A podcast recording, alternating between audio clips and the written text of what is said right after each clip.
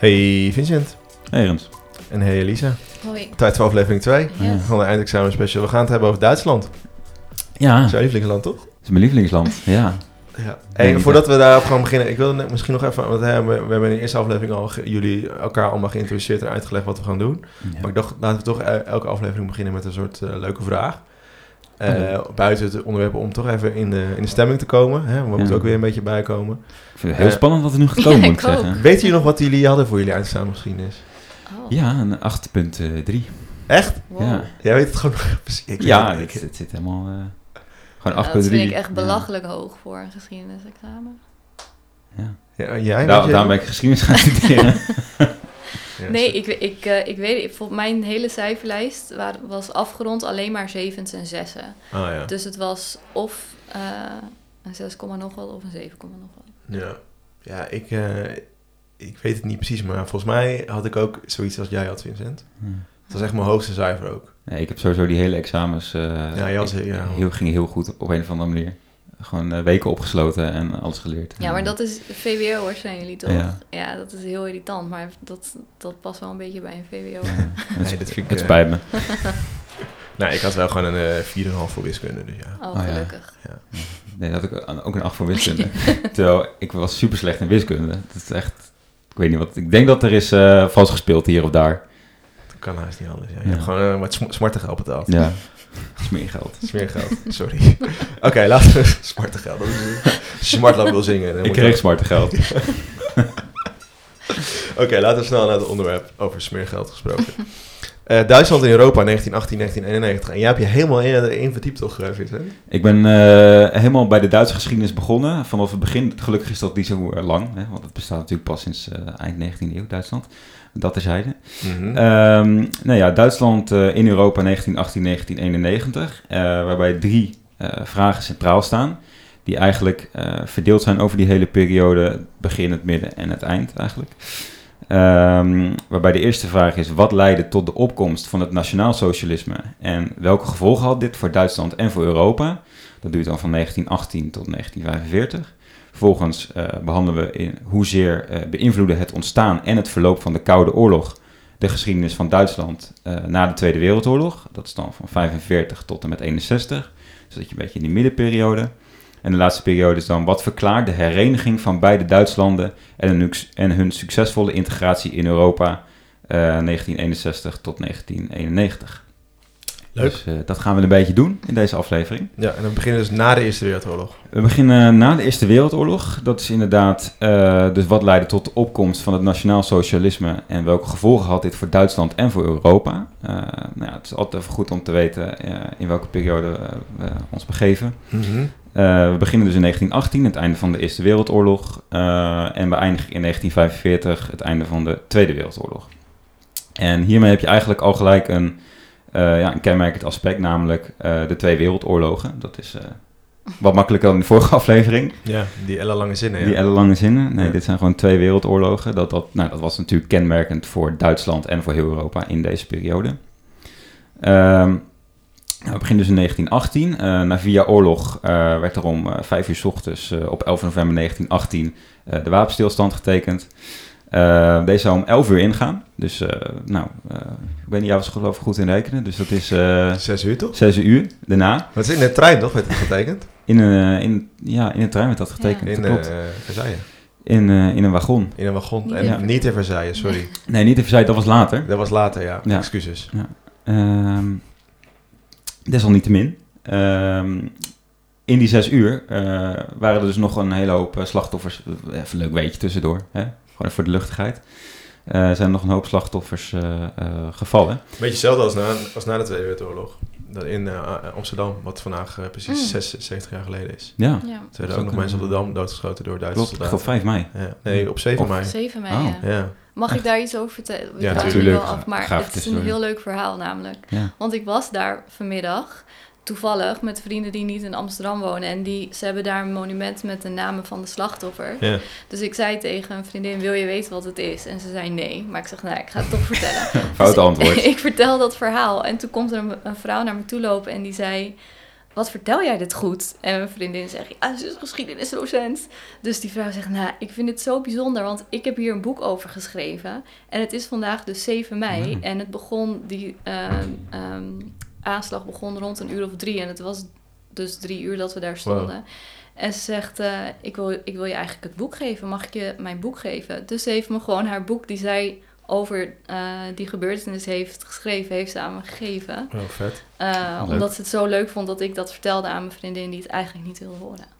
Ah, Nou, Nice, hè? Wat goed. wat heb je van geleerd? Altijd je verhalen vertellen. Altijd gewoon Ja. over geschiedenis beginnen. Dus nu ook. Vrijheid ook geef je door. Ja, Ja, ik doe het. Ik pak mijn moment Ja. gewoon. heel goed. Ah, Ja. Leuk. Wow. Ja, ik- dat, ik, ik was me dat, ik, ja, ik heb dat verhaal wel eens eerder gehoord, maar ik was het eigenlijk wel weer vergeten. Maar ik zag het vandaag een paar keer voorbij Ja. komen. Dat het, Ja, ze eh, hadden met de herdenking ook nog even over, geloof ik. werd ook nog even Ja. aangestuurd. maar als we toch, want het was op de Dam, toch? Ja. En dan zaten die soldaten zaten ergens bovenin of zo. Dat, ja, als je voor het paleis staat, eh, aan de linkerkant, zit nu een, eh, een sting, geloof ik, daaronder. Maar op de eerste of tweede verdieping. En ja, mensen waren gewoon blij en opgelucht. En eh, toen, eh, daar zaten nog wat Duitse soldaten en die schoten toen op die menigte. ja.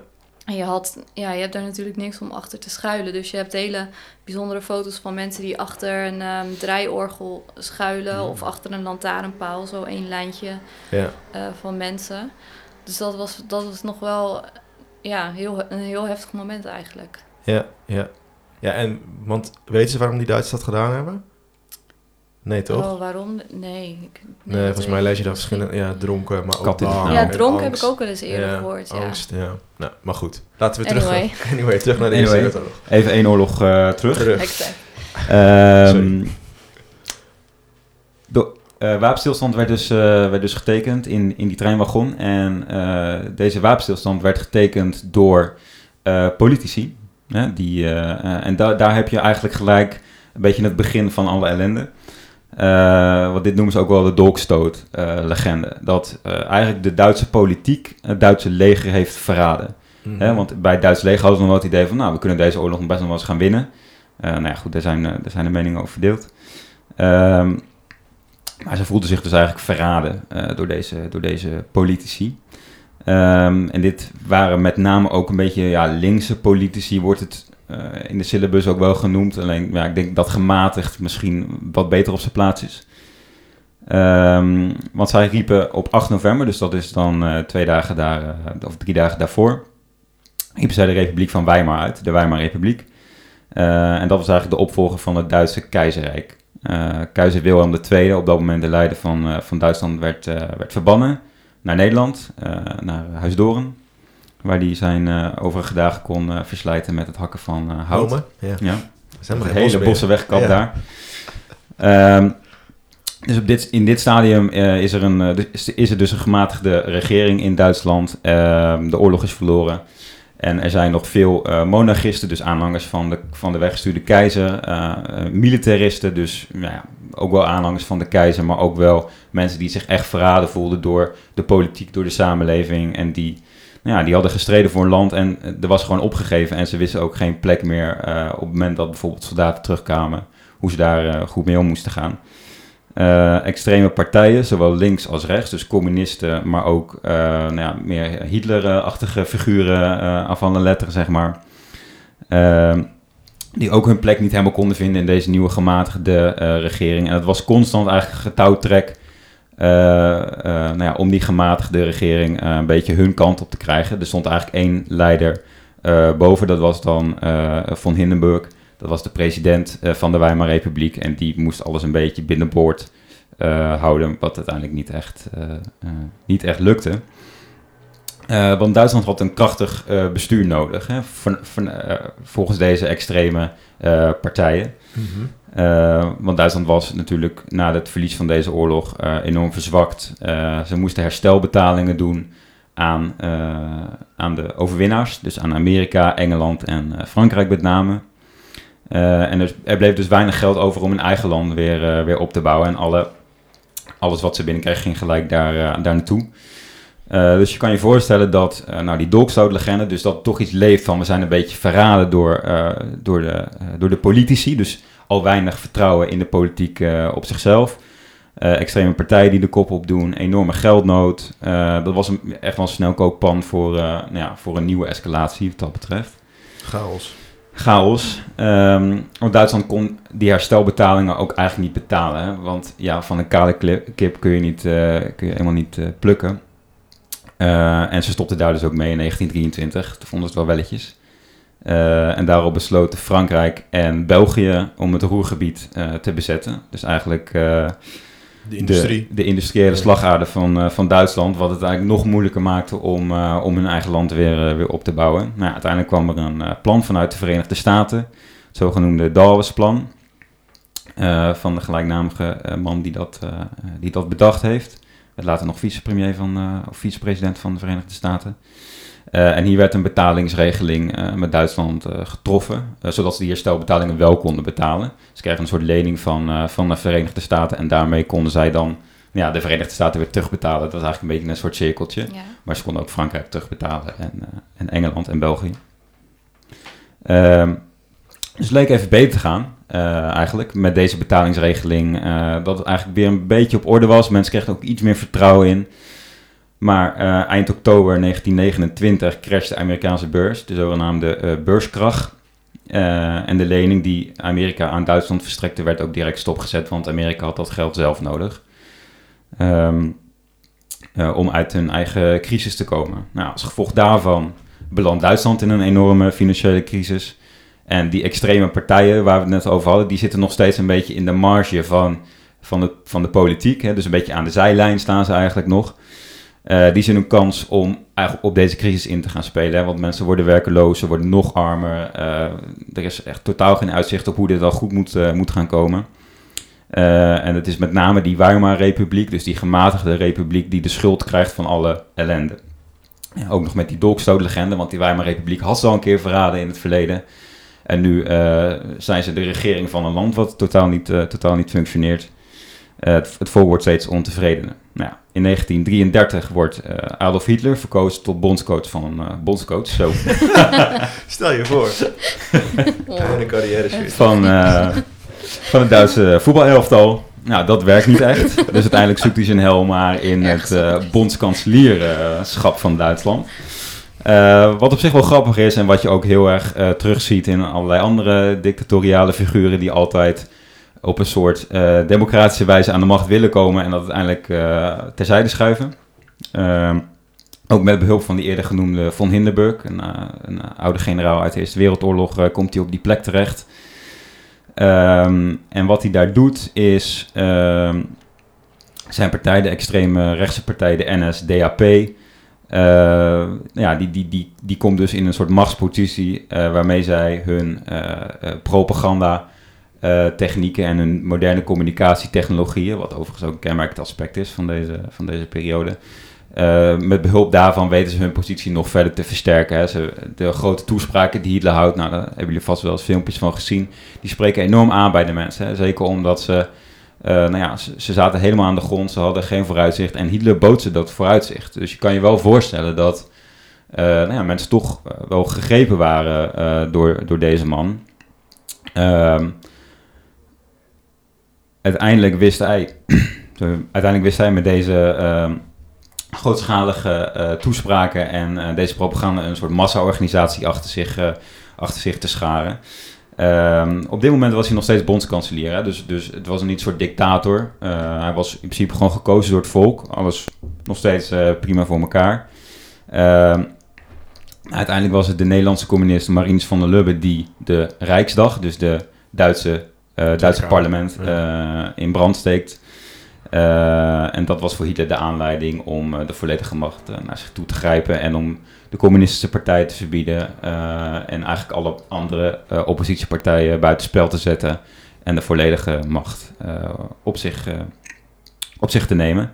En met dat propagandaapparaat waar we het net over hadden, dus die grootschalige toespraken, maar ook andere propaganda eh, zoals zijn, bijvoorbeeld zijn boek uh, Mijn Kamp, hè, waarin, uh, waarin heel erg uiteengezet wordt van wie zijn schuld nou allemaal is en waar de Duitse samenleving eigenlijk naartoe moet. Ehm, wordt Duitsland redelijk snel genazificeerd. dus dus de jonge Duitsers met name worden heel erg opgevoed met het idee van de Joden zijn slecht, wij zijn goed, de Ariërs zijn goed. Ehm, en, en dat is uiteindelijk een beetje waar, het, nou ja, waar Hitler zijn, zijn hele bestaan op opbouwt. Um, het groot onderdeel dus van deze nazificatie is het aanwijzen van de Joodse bevolking uh, als, uh, als oorzaak van alle ellende die er in Duitsland bestond. Wederom uh, dus inspelen op die, die situatie van, nou ja, van geen uitzicht en, en armoede. en je ziet ook door de hele geschiedenis heen dat, dat Joden vaak in slechte tijden worden aangewezen als zondebokken. Ik weet eigenlijk niet precies waarom dat, waarom dat is. Vaak wel een wat betere positie Jaloezie. in de maatschappij. Jaloezie, ze hebben vaak iets beter voor elkaar, zijn wat rijker. Ja, maar ook weer niet alle Joden. vaak wel, uh, ja, het zijn ook een beetje een uh, marginale groep ja. uh, wat dat betreft. want Joden waren volgens de nazi's onzuiver, hè, evenals homoseksuele, gehandicapte Roma en Sinti. En de Duitse samenleving moest alleen voor Arische mensen worden eigenlijk. En om dit te bewerkstelligen werden al deze groepen eh, opgepakt en afgevoerd naar concentratiekampen eh, waar zij vaak eh, de dood vonden. Maar dat was later, toch? Dat is uiteindelijk pas later, ja. ja. In, in dit beginstadium uh, nou ja, beperkte zich nog een beetje tot het treiteren van, van dit soort mensen. Ehm, het ingooien van winkelruiten van Joodse winkels. Je hebt natuurlijk de Kristalnacht in 1938, ja. denk ik. Ja, klopt. Ehm, je ziet al wel dat het daar een beetje ontwikkelt. En uiteindelijk dus die concentratiekampen heb je... Nou ja, uh, dat is uiteindelijk uh, het uh, Laatste eind, ja. eindstation, letterlijk.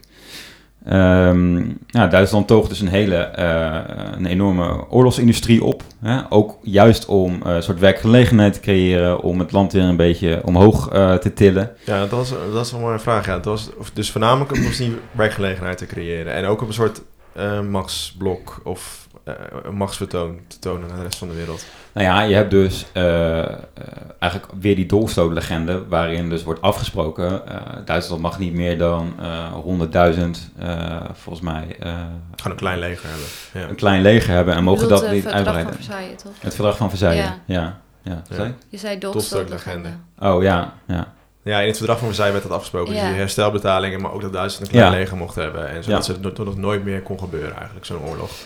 Ja, maar uiteindelijk is dat natuurlijk uh, ook een soort van onderdeel van die, uh, van die Namelijk dat ze dus soort van verraden worden door, uh, door politici die dat dan afspreken van... oké, okay, wij doen afstand van ons leger. En nou ja, Hitler speelt heel erg in op dat sentiment. Zegt van nee, wij gaan gewoon een, een leger opbouwen waar we weer trots op kunnen zijn.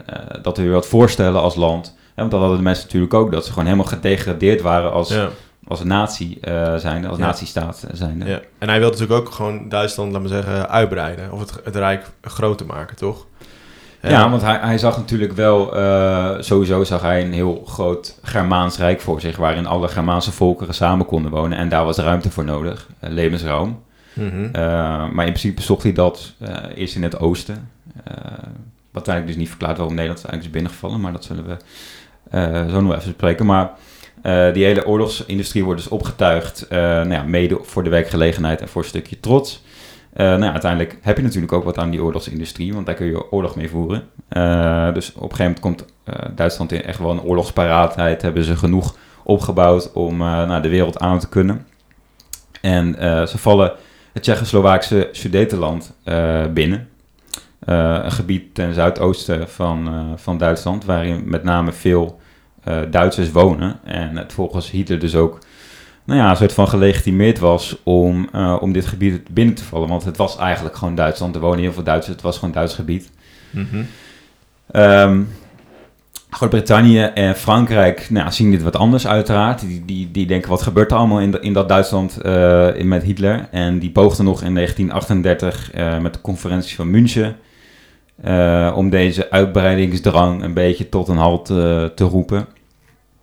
Uh, ze mochten, Duitsland mocht dan wel houden, het Sudetenland wat ze tot dan toe hadden veroverd, maar daar moesten ze dan ook wel bij blijven. Anders zou de oorlog verklaard worden. Dat was eigenlijk een beetje wat zij met elkaar, nou ja, afspraken wil ik niet zeggen, maar... Best bizar eigenlijk, toch?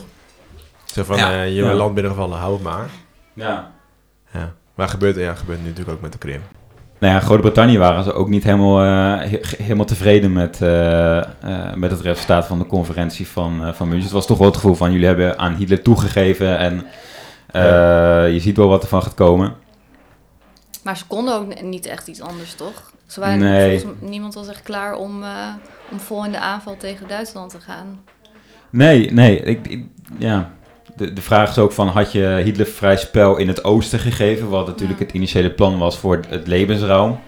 Voor zijn grote Germaanse rijk. Mhm. Was hij dan niet ri- eh, richting het westen getrokken? Ja. Uiteindelijk was het ook een soort expansiedrang en, Ja. en militaire overwinning eh, die er gehouden moest worden. Ja. Dus ik weet niet of dat... Gewoon uiteindelijk, haantjesgedrag. eh, Gewoon haantjesgedrag, ja. Gewoon Mannen onder, onder elkaar. Ja.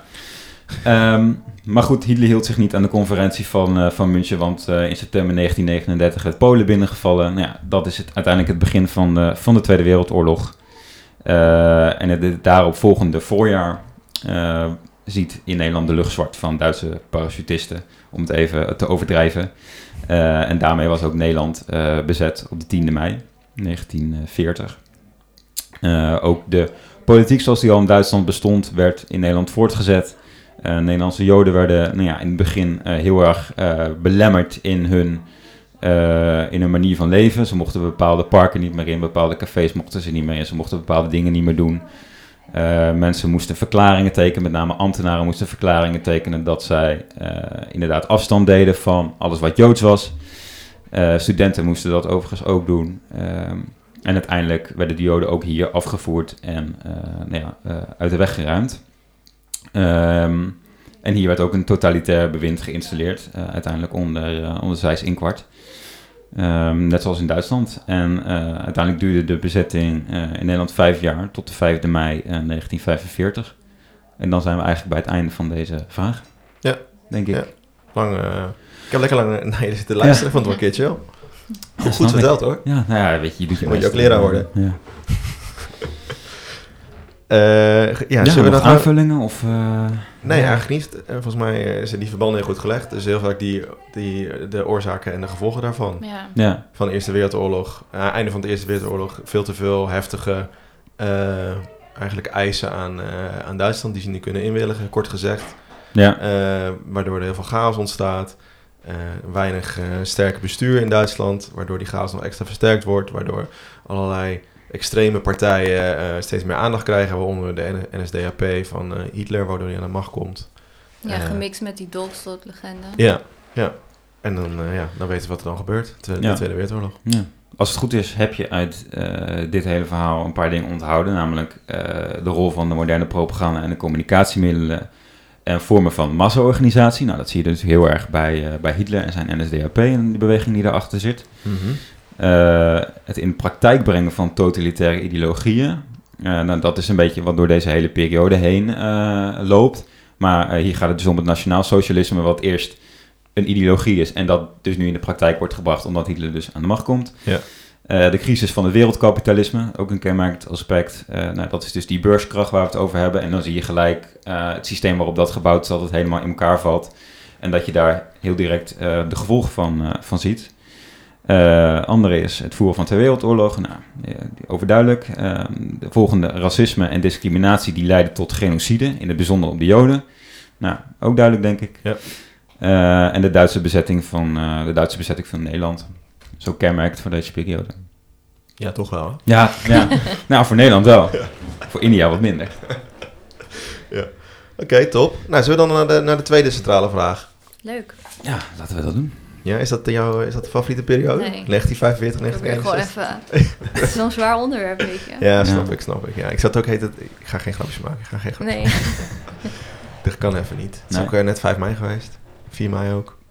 Oh ja, dat is dan altijd... En het is 7 mei. En 7 mei, ja. ja. Ik, was, ik vond het altijd wel, ik vind het wel, eh, als ik dan toch even wat moet zeggen, dat 4 mei nu met zo'n lege dam, Ja. vind ik wel echt veel heftiger dan, eh, dan normaal. Ja, ik. Mag voor mij altijd wel. Ja. Ja.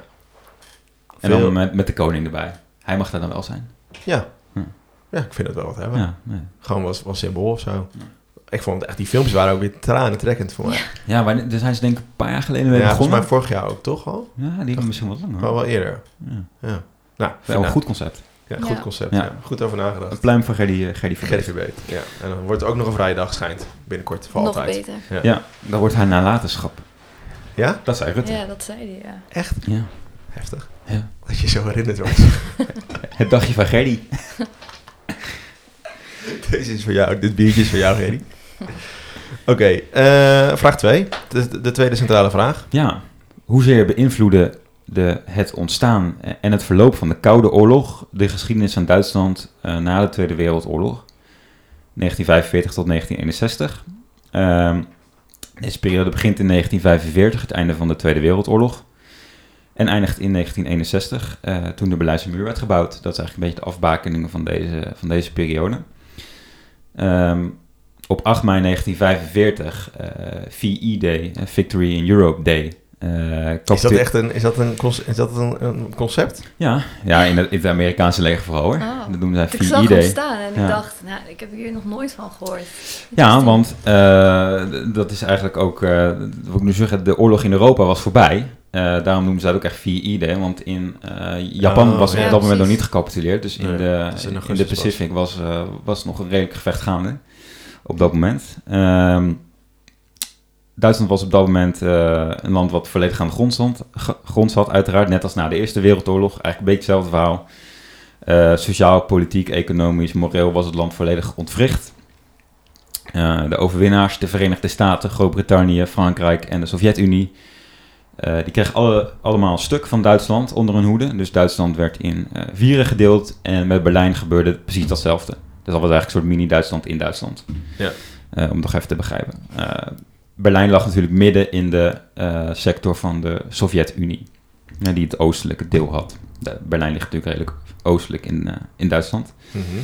Ehm, maar geleerd van, eh, van de Eerste Wereldoorlog wisten de westerse landen dat het leegtrekken van alle Duitse bezittingen niet zou helpen.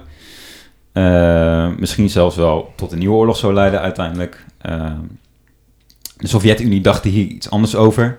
Hè, maar zij hadden ook wel veel grotere verliezen geleden in deze oorlog. Er waren veel meer eh, mensen uit de Sovjet-Unie doodgegaan. Ehm, eh, ook hun hele economie eh, lag op zijn gat. Dus zij hadden wel het idee van wij gaan daar uittrekken wat er uit te trekken valt.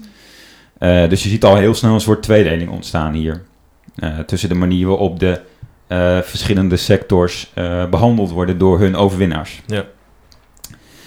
Ehm, daarnaast was er ook oneenigheid over de inrichting. de nieuwe vorm die de, eigenlijk de Duitse staat zou moeten krijgen. De Sovjet-Unie was natuurlijk aan de, was communistisch. En de westerse landen, Frankrijk, Groot-Brittannië en eh, de Verenigde Staten waren kapitalistisch, om het maar even zo te zeggen. Er waren natuurlijk ook wel, met name in Frankrijk en in Engeland ook wel een beetje wat communistische invloeden, maar met name de Verenigde Staten was natuurlijk echt wel kapitalistisch. Ehm, dat de politiek eh, en het wereldtoneel bepaald werd door ideologieën, is dus echt iets wat zich voortzet na deze Tweede Wereldoorlog. Hè? Dus dan kom je weer bij dat kenmerkende aspect dat echt ideologieën in praktijk worden gebracht, gebracht en echt hun invloed hebben over de gang van zaken eh, in de wereld. Ja, en dus ook een soort van tegen elkaar opzetten, landen. Ja. Ja. Het zorgt dus inderdaad voor, voor een tweedeling. Nou, dat zie je dus al gelijk na die, na die Tweede Wereldoorlog in, eh, in Duitsland.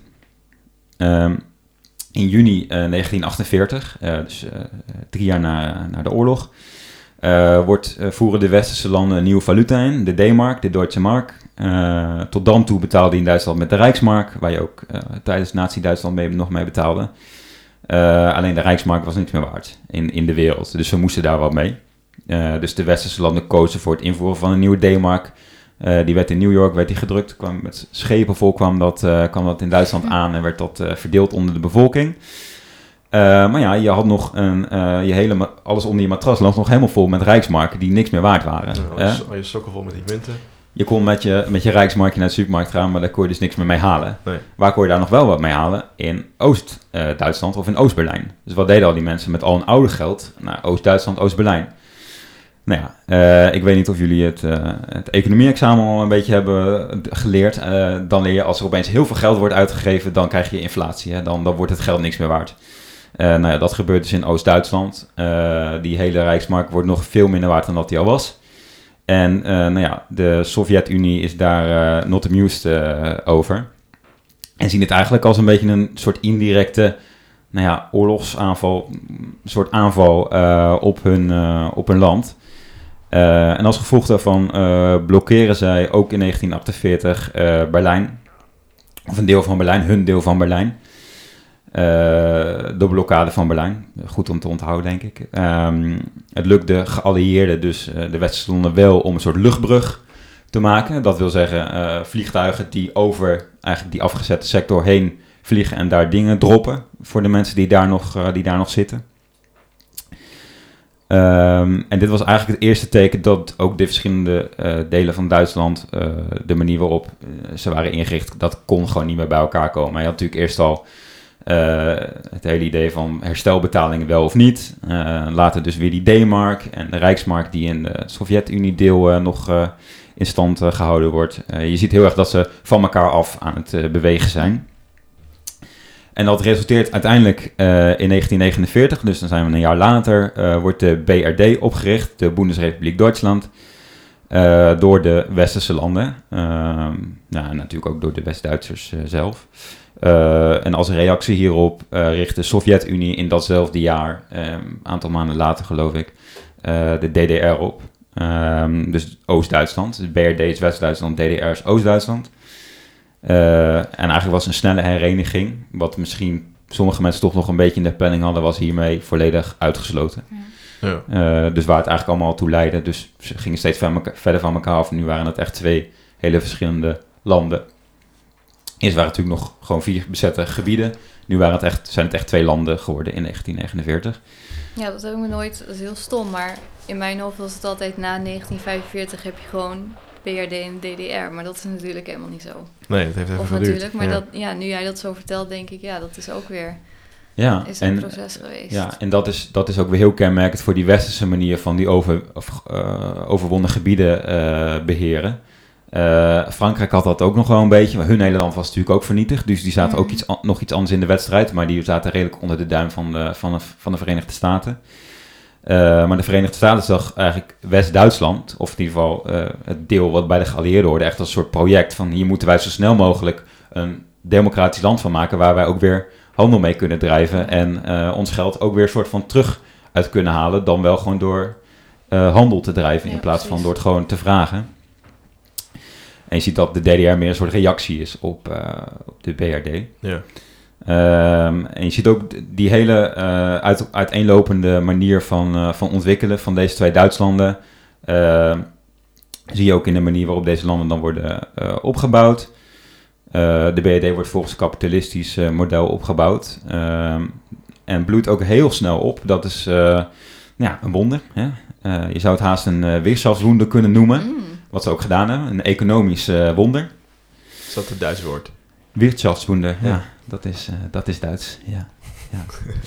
Onder leiding van, eh, van Konrad Adenauer, op dat moment niet de bondscoach, maar wel de bondskanselier van, van Duitsland, wordt met behulp van het Marshallplan, een soort Dawes-plan wat we in de Eerste Wereldoorlog hebben, is het Marshallplan in de Tweede Wereldoorlog. Lening vanuit Amerika om de staat weer helpen op te bouwen. Nederland heeft daar ook veel, eh, veel aan gehad. Ja. Eh, werd de BRD een redelijk snel een stabiele democratische eh, rechtsstaat eh, eh, die economisch eh, snel vooruit ging. Ja. Eh, het land werd ook eh, lid van de EGKS. Eh, dat is de Economische Gemeenschap voor Kolen en Staal. Een soort voorloper van de Europese Unie. Een soort voorloper van de Europese Unie en ook een kenmerkend aspect van deze periode, namelijk de eenwording van, eh, van Europa. Eh, waar het steeds meer naartoe eh, beweegt. Eh, EGKS naar kolen en staal, dat zijn de twee ingrediënten om oorlog mee te voeren. Hm.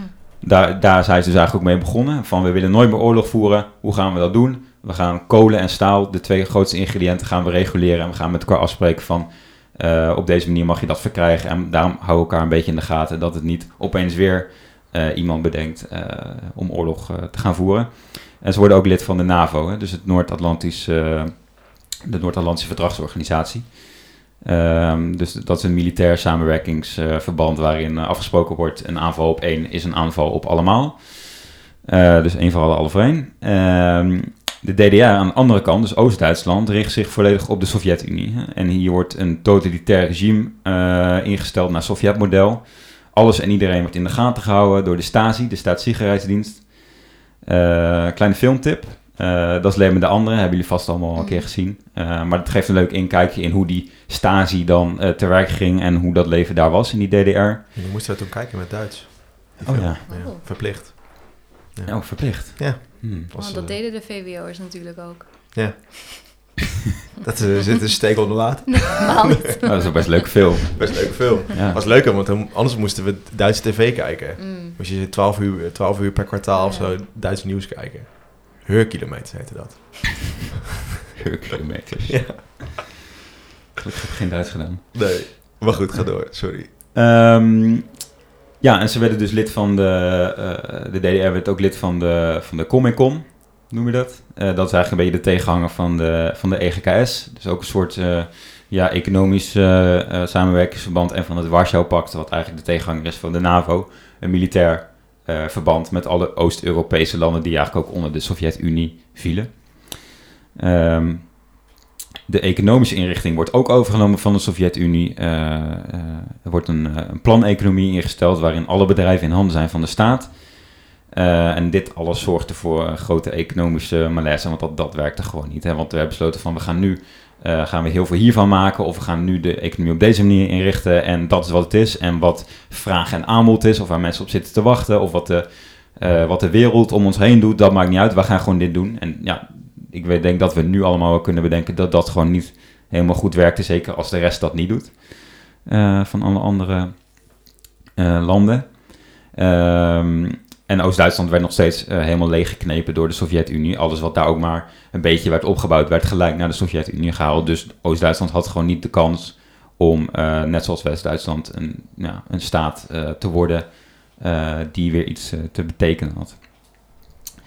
Logisch gevolg van dit alles in Oost-Duitsland was de migratie van, van met name hoger opgeleide Oost-Duitsers naar West-Duitsland, een zogenaamde brain drain.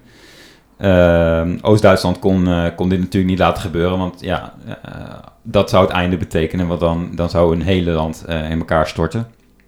Dus wat deden zij? Ehm, al, al na de oorlog was er tussen West- en Oost-Duit, Berlijn, eh, nee West- en Oost-Duitsland, sorry, was er wel een, het ijzeren gordijn eh, in werking gesteld. Dus nou ja, dat was meer een soort allerlei grensposten, obstakels waar je doorheen moest om van de Door ene naar de heel andere. Europa toch? Door heel Europa, ja, echt van, eh, van Noord-Duitsland eh, tot aan eh, Kroatië, Mm. geloof ik. Ja. Ehm, maar wat zij deden om deze brain drain uiteindelijk te voorkomen, wat mensen namelijk deden, in Berlijn kon je nog wel vrij bewegen. Dus als je op een gegeven moment in West-Berlijn was, kon je wel naar West-Duitsland, terwijl eigenlijk was heel West-Duitsland afgesloten in de rest van Duitsland. Dus dat was, dat was ook wel gek. Dat was een soort trechter waarmee je zo Ja, naar één snelweg, toch? West-Duitsland kon. Ja. Ja. Ehm, dus dat wilde, de, eh, Oost, dat wilde Oost-Duitsland eh, voorkomen. En eh, daarom bouwden zij de Berlijnse muur in 1961. En dat is eigenlijk het einde van deze, van deze vraag. Hoe, hoe de Koude Oorlog, eh, dus de machtspolitiek ook tussen Sovjet-Unie en, eh, en Verenigde Staten met name, zijn invloed had op eh, de organisatie van Duitsland. En hoe Duitsland zich als land ontwikkelde, denk ik. Ja. Ik Ja. vind, nou, je hebt er heel duidelijk uitgelegd wat die tegenstellingen allemaal zijn. Dat is denk ik wel eh, helder. Dus, en je gaat verder, want ik, ik heb het meestal vaak alleen maar over de NAVO en de Warschau-pact en de Comecon en de EGKS. Maar ook over, de, over het geld. Eh, en je zei nog iets, ben ik nu weer vergeten. Nou ja, dat, is, eh, het is helder, denk ik, die tegenstellingen.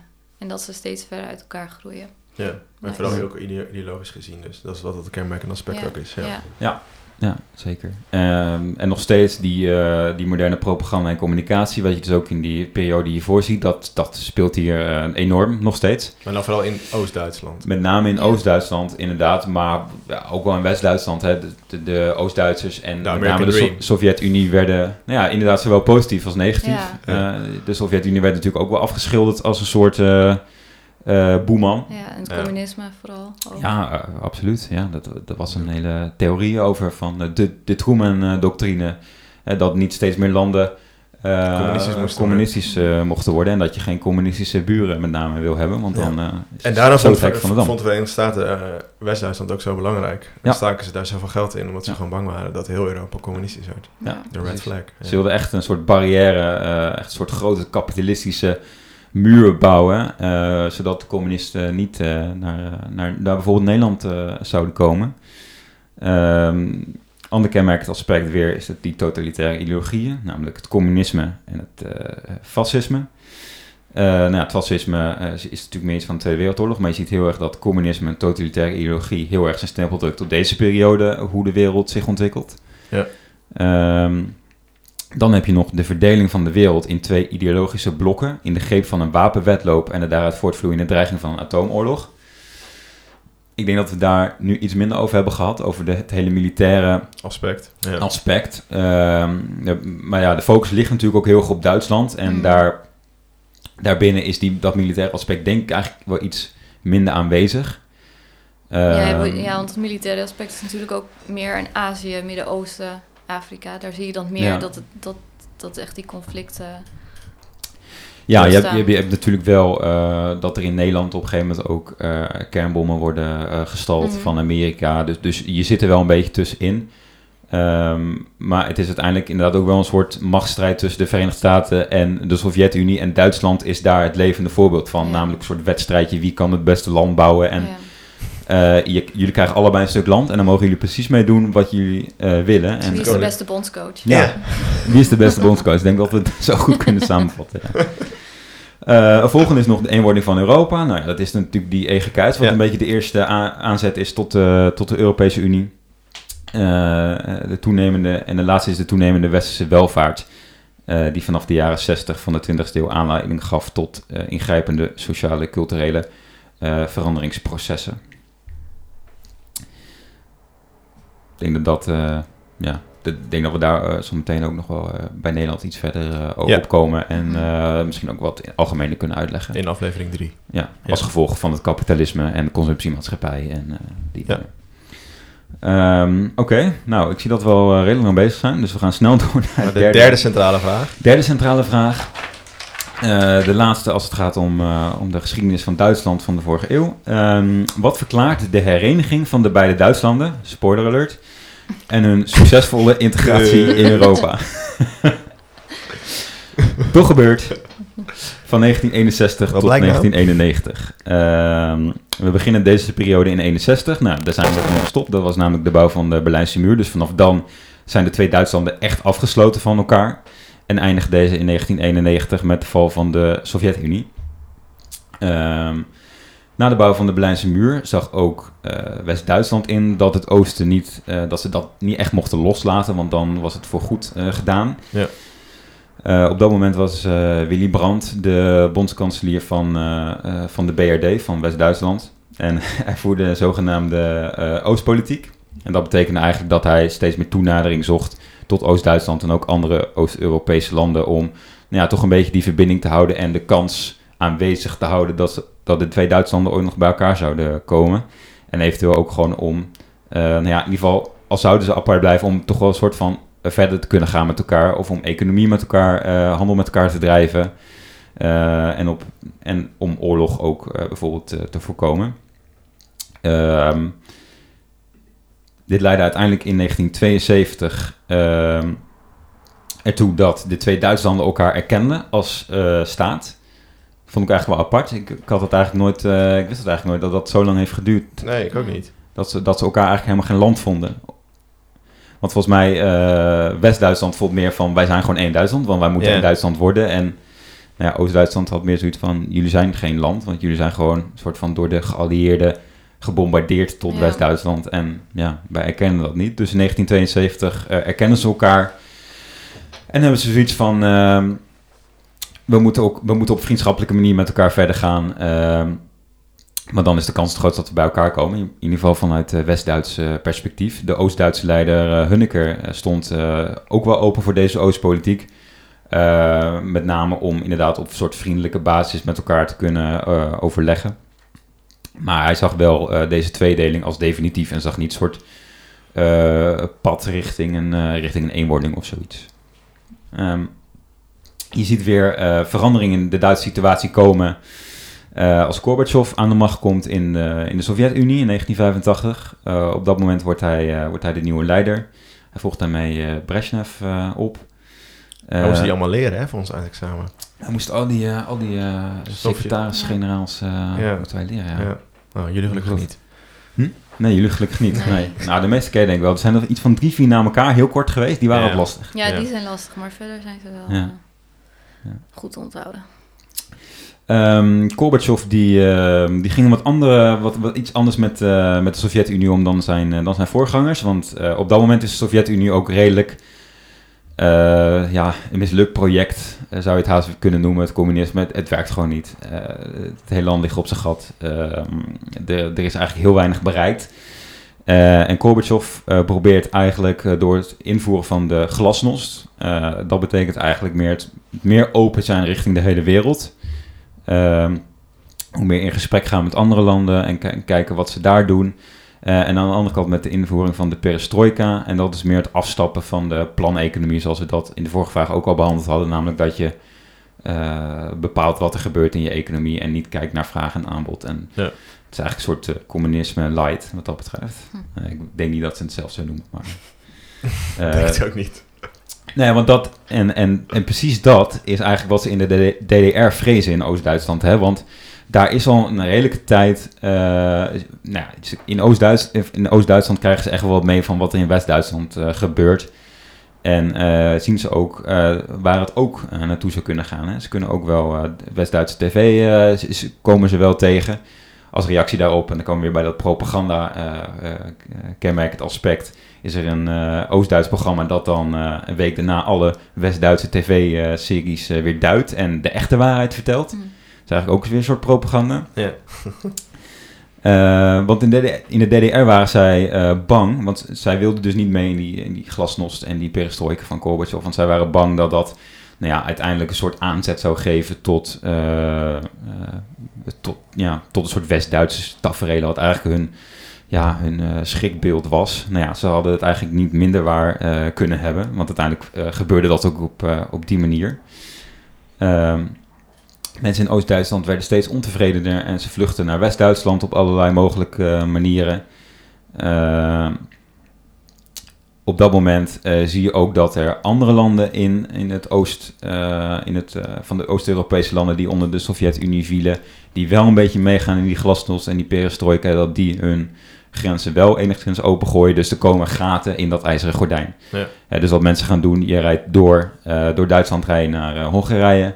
En daar ga je de grens over naar West-Duitsland. Eh, Dus uiteindelijk, ja, dat, die hele, dit hele ijzeren gordijn is eigenlijk niks meer waard op dat moment. Ehm, en dit leidt uiteindelijk ook eh, in Berlijn tot grootschalige protesten. Er is geen houden meer aan. Mensen zien dat het klaar is. Eh, nou ja, dat, daar hebben we een keer een, eh, ook een podcastaflevering over gemaakt. Over die eh bewust avond voor de val van de muur. Hm. Eh, dat er een, eh. Luister die een keer terug, dat de leider van de DDR eh, nou ja, een soort eh, Laatste zetje gaf. memo eh, voorleest eh, van... eh, eh, nou ja, we hebben plannen om eh, de Berlijnse muur eventueel een keer af te gaan breken. En dan vraagt de journalist eh, vraagt van, en wanneer is dat dan? En dan zegt hij, vanaf nu. Ja. En op dat moment, de mensen rennen hun huis uit, gaan naar de Berlijnse muur en beginnen met breken. En de soldaten weten ook niet meer wat ze moeten doen. Nee. En mensen dansen op, eh, op de muur in Berlijn. Ehm, dat gebeurt op 9 november 1989. Eh, mensen die elkaar jarenlang niet hebben gezien of gesproken, die, die worden weer met elkaar herenigd. Ehm, en ja, vanaf dan zie je gewoon heel erg dat die twee culturen met elkaar gaan, eh, gaan eh, mengen. Tot 1990, eh, of in 1990, dus een jaar later, al worden de twee Duitslanden onder leiding van Helmut Kohl herenigd. Dat is dan op dat moment de bondskanselier van, van West-Duitsland. Eigenlijk veel sneller dan dat ze initieel hadden bedacht. Hm. Ze hadden wel een soort plan van we moeten daar een keer naartoe, maar dat ging allemaal vrij vlug. Eh, en één jaar later, daarna in 1991, valt de Sovjet-Unie en is de Koude Oorlog eigenlijk definitief eh, ten einde. Het is wel grappig dat eh, dit best wel afhankelijk is van eh, allemaal witte mannen. Die dingen bepalen of, eh, of anders doen. Ja, Toch? In, de, in, in, in dit stukje korte geschiedenis. Dus al die bondskanseliers, Gorbachev, die hebben een bepaalde visie. En daardoor versnelt het hele proces van die hereniging. Ja. Toch? Ja, ja, ik denk dat dat eh, Zo vaak zo- zo. sowieso iets is van eh, tot eh, misschien tien jaar geleden van, dat Ja. wat van alle dag is. Ja, ja maar gewoon, eh, ehm, ik bedoel... Maar heel gewoon veel individuele... Ja, heel veel individuele eh, foutjes of visies of... Ja, en, en het is natuurlijk ook uiteindelijk hoe je het opschrijft. In zo'n examen wil je het natuurlijk redelijk duidelijk hebben. Ja. Maar Ja, uiteindelijk niet is wat het de vrouw van, eh van Kool Nee, tegen hem en, zei. Nee, dat is Misschien waar. was zij wel het brein achter het hele Ja. idee. Ja, Ja, maar dan het weer nog vanuit, het dan- eh, vanuit jouw oogpunt, vanuit cultuurhistorie bekijkt, is het, het de samenleving waar, waar het toch Tuurlijk. al zo Broeide. broeide, dat het Ja. uiteindelijk ook geen andere Nee, maar had. het, het, het lijkt, het- volgens mij, ik, dat, het is natuurlijk altijd heel vaak zo dat een regering of weet ik veel, of een, een, een, een koningshuis of een parlement zulke beslissingen maakt. Ja, Maar nu zie je heel erg dat bijvoorbeeld Gorbachev kiest zelf Ja. voor een hele andere aanpak, voor een hele andere... eh, Ja. En daardoor versnelt dat proces van die hereniging. Of, of tenminste versnelt de afbraak van de Sovjet-Unie. Ja, het waren bepaalde Ja. keuzes van individuen die Ja. zorgden voor... En dan is het natuurlijk bij dat, bij dat wat jij vertelde over die eh, bondskanselier van, eh, van de DDR... die dan die persconferentie geeft in 1989... is dat wel een heel expliciet voorbeeld van iemand die Ja. gewoon iets fout zegt... en waardoor die muur afgebroken wordt. Maar ja. dat zie je dus wel vaker terug in deze geschiedenis. Vind ik wel grappig. ja. is ook wel makkelijk te onthouden. ja. Toch? Ja. Witte mannen. Witte mannen Witte mannen doen altijd alles. met een wijnvlek. En dan ben je Ja, Gorbachev van dan heb je een echt grote wijnvlek. Maar mag ik daar nog eh, ook nog één ja, ding op zeggen voordat jij het afsluit? Want eh, dat is wel... eh, toen wij naar dit examenonderwerp keken, keken we ook heel erg naar... En in Duitsland heb je dus twee democratieën gehad en twee dictaturen. En die eerste democratie die faalt dus, waar, waar we bij vraag 1 zeg maar naar hebben gekeken. Mhm. En dan krijg je die eerste dictatuur tijdens de Tweede Wereldoorlog. En daarna krijg je en een dictatuur en een democratie tegelijkertijd. En waarom werkt die tweede democratie dan wel? Want die is er nu nog steeds. Ehm, en, en faalt eigenlijk die, die tweede dictatuur ook. ja. Ehm, en dat, is, dat, dat komt ook door nou ja, die beslissingen en zo. Eh, of niet en zo, maar dat komt door al die beslissingen van die, van die mannen en die verdragen. En, eh, maar dat is ook om een beetje thematisch soort van orde in, in deze jaartallen te scheppen.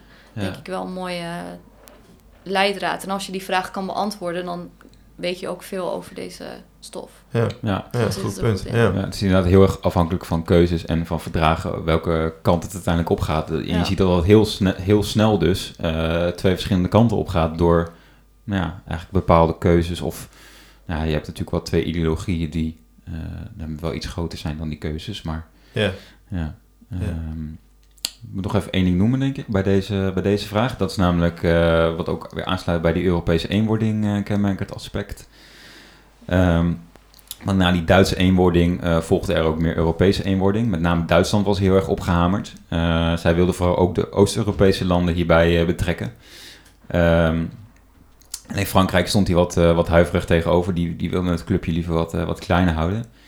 Ehm echter, Frankrijk had eh, te maken met een wat wankele munt. De frank, dat was niet de meest eh, nou ja, stabiele munt. Eh, de Duitse D-mark daarentegen, waar we het net over hadden, was echt uitgegroeid tot nou ja, de munt van Europa eigenlijk. Waar, waar, waar iedereen zich ook een beetje op, op baseerde uiteindelijk. Ehm, dus uiteindelijk, Frankrijk die wilde een, een Europese munt, de euro, juist daarom. Hè, want zij hadden dus geen stabiele munt. En zij wilden gewoon een nieuwe munt om nou ja, hun, hun problemen een beetje op te lossen eigenlijk. Ja. Ja. en je snapt dat Duitsland zag dat weer niet echt zitten. Want Mm. ja, die hadden een stabiele munt en die hoefden die, die rotzooi van Frankrijk niet te hebben. Eh, dus wat ze uiteindelijk deden is eh, nou ja, een soort uitruiltje gedaan, een handjeklap. Eh, Frankrijk kreeg de euro en dus Europa eh, kreeg de euro. Eh, daar werd de aanzet toegegeven. Eh duurde uiteindelijk natuurlijk nog wel even voordat hij er was.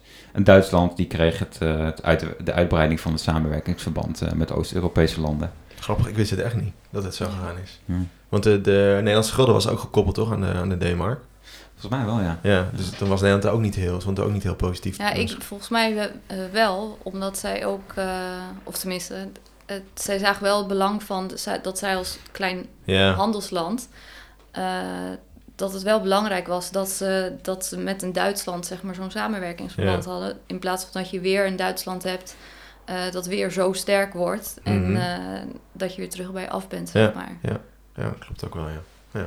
Ja, en ik denk ook dat, eh want uiteindelijk die EGKS, dus die kolenstaalgemeenschap, was heel erg op gebaseerd van we willen geen oorlog meer, waar ben je van afhankelijk, namelijk kolen en staal. Mm. Dat dat in dat stadium, dus in, we hebben het over 1991, dat het veel meer ging over eh, financiën, over Ja. het geld. Wat heb je nu vooral nodig? Geld. Niet meer alleen maar over Niet maar alleen maar kolen en staal, ja. maar je hebt ook geld nodig. Ja. En als we nou eh, onze eh, unie, een monetaire unie maken, zoals je dat dan eh, noemt, namelijk één munt, dan ben je nog meer van elkaar afhankelijk. Ja. En dan heeft iedereen er nog veel minder aan om, eh, nou ja, om met elkaar in oorlog te gaan. Want Ja. dan, dan, ja, dan zie je gelijk zelf eh, de gevolgen daarvan. Ja, ja.